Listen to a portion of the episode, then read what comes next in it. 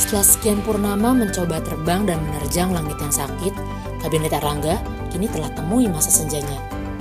Tentu tak mudah untuk merubah keterbatasan menjadi kekuatan, menabur harapan di dalam tekanan, dan terlebih harus saling menopang dan menguatkan di tengah badai. Namun, banyak tawa dan jenaka yang akan selalu kita kenang untuk waktu yang lama.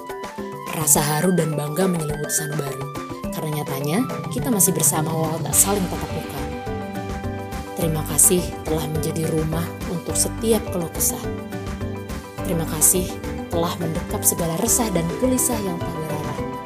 Ini bukanlah akhir dari sebuah langkah. Ini adalah bukti bahwa kita pernah hadir, singgah, dan torehkan sejarah. Kami, Erlangga, pamit undur diri.